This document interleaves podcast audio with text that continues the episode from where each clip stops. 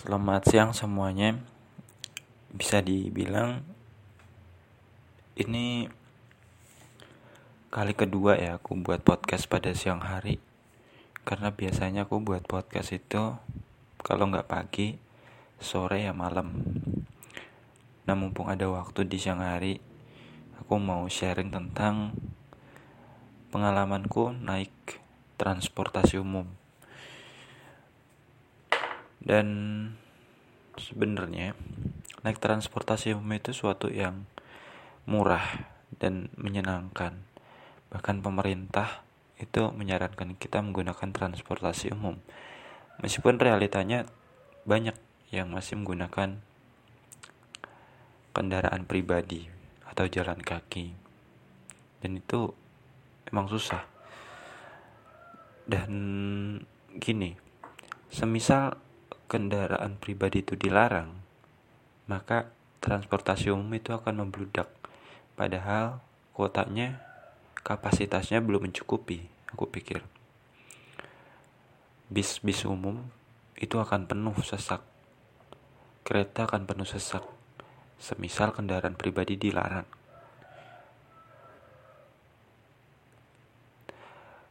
Kendaraan pribadi masih boleh dipakai aja kendaraan umum itu masih sesak apalagi kendaraan pribadi dilarang kan? Kembali soal pengalaman naik transportasi umum. Ada namanya bis ada kereta ada kapal pesawat dan sebagainya. Dan kita nggak bisa menggeneralisasi bahwa oh naik ini nggak nyaman naik itu nggak nyaman hanya karena satu pengalaman buruk yang pernah kita alami. Tapi siapa tahu bahwa itu justru menjadi awal dari trauma kita. Dan banyak orang aku temui terus aku dengar pengalamannya ternyata beda-beda ya pengalaman orang naik transportasi umum. Yang pertama kereta api. Aku pernah naik kereta api itu beberapa kali waktu kecil. Waktu masih di Depok. Cuma kalau di Jogja ini belum pernah jadi aku nggak tahu harga tiket kereta api berapa terus gimana caranya gitu. Tentu lebih mudah tapi ya untuk apa naik kereta api kalau nggak punya tujuan kan? Saat ini emang belum butuh.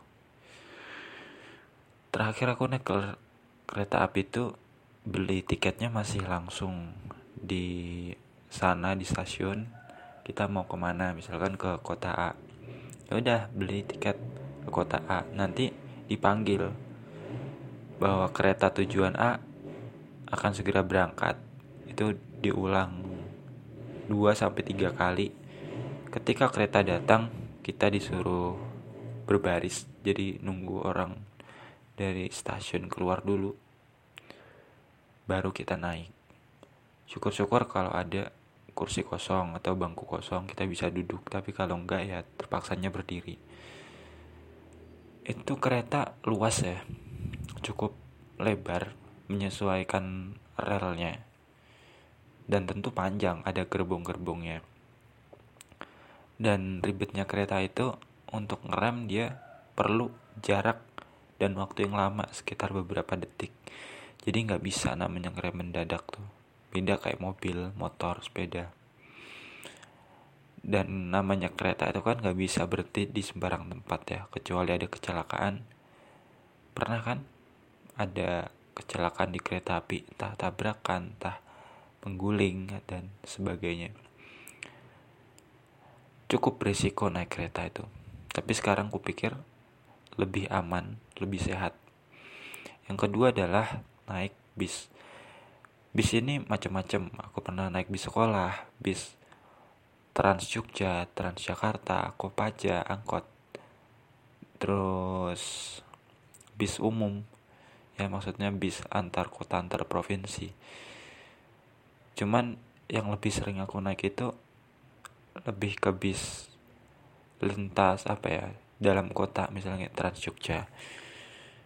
Aku naik Trans Jogja itu kan karena jarang bepergian pakai transportasi umum juga belum terlalu butuh kan? Jadi aku cuma paling ke terminal Giwangan atau sekedar jalan-jalan. Nah kalau jalan-jalan aku biasanya naik transportasi 3A itu rutenya paling jauh menurutku. Entah perasaanku atau bukan ya. Pertama kali aku jalan-jalan pakai Trans Jogja 3A itu waktu yang dihabiskan sampai 3 jam 3 jam tapi hari ini kurang dari 2 jam. 2 jam kurang dikit udah selesai. Dan aneh gitu. Sama halnya ketika aku naik motor ya. Pertama kali naik motor dari rumah ke kos itu waktunya 2 jam lebih. Tapi makan ke sini entah karena terbiasa jadi satu jam lebih dikit. Aneh kan Mungkin kamu juga pernah merasakan hal seperti itu dalam berkendara untuk pertama kali. Rasanya lama banget, tapi kalau udah terbiasa, cepet. Mungkin karena kita udah terbiasa dengan jalur itu, udah familiar jadi ya udah cepet aja gitu. Ada sedikit pengalaman buruk dalam menaiki bus. Contohnya tadi pagi ya. Aku kan berangkat jam 7 kurang. Sampai sampai haltenya itu jam 7 pas.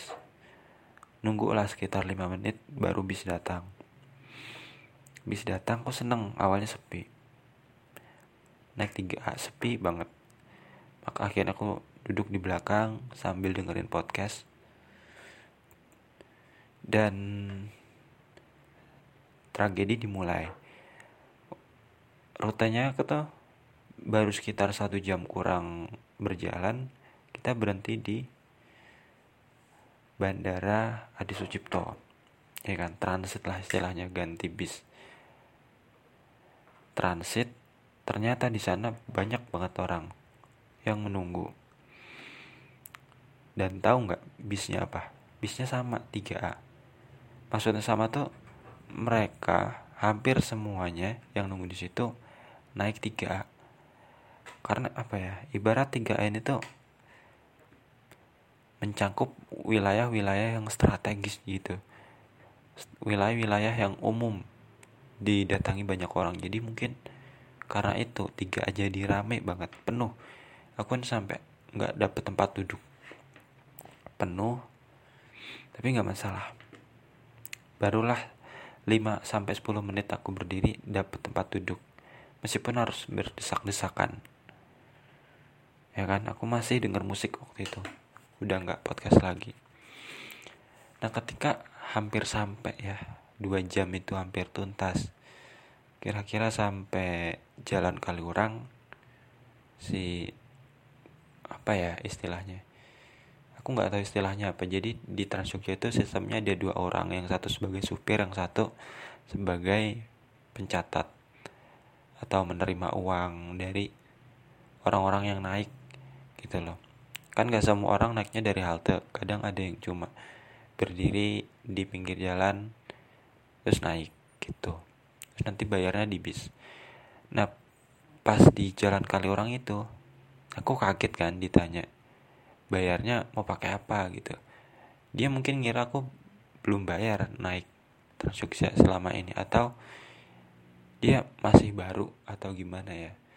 Aku cukup kecewa sih dengan servis kayak gitu. Apalagi waktu itu di banyak orang kan banyak orang yang lihat juga. Malu sih enggak cuma aku kecewa aja sama orangnya itu. Sistemnya kan kalau kita naik Trans Jogja selama kita nggak turun itu ya udah.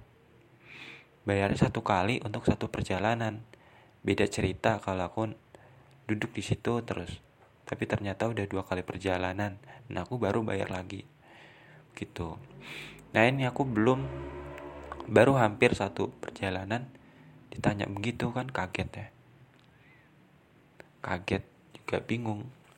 Akhirnya untung di depan aku berhenti gitu berhenti di depan fakultasku lalu pulang. Ya udah kejadian kecil yang kurang mengenakan. Terus aku juga mikir bahwa sebenarnya naik transportasi umum itu emang harus hati-hati.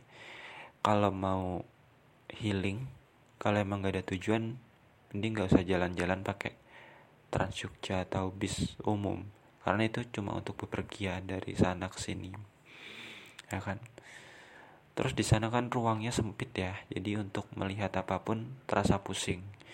Bisa dibilang naik Trans Jogja itu entah karena mesinnya atau supirnya kok rata-rata sama ya? Naik di sana tuh pusing banget. Pusing kayak goyang-goyang itu hentakannya keras banget. Berbeda saat aku naik bus yang besar yang antar kota antar provinsi. Itu lebih halus gerakannya. Nggak terlalu banyak guncangan. Itu aja episode tentang ini. Semoga bisa diambil pelajarannya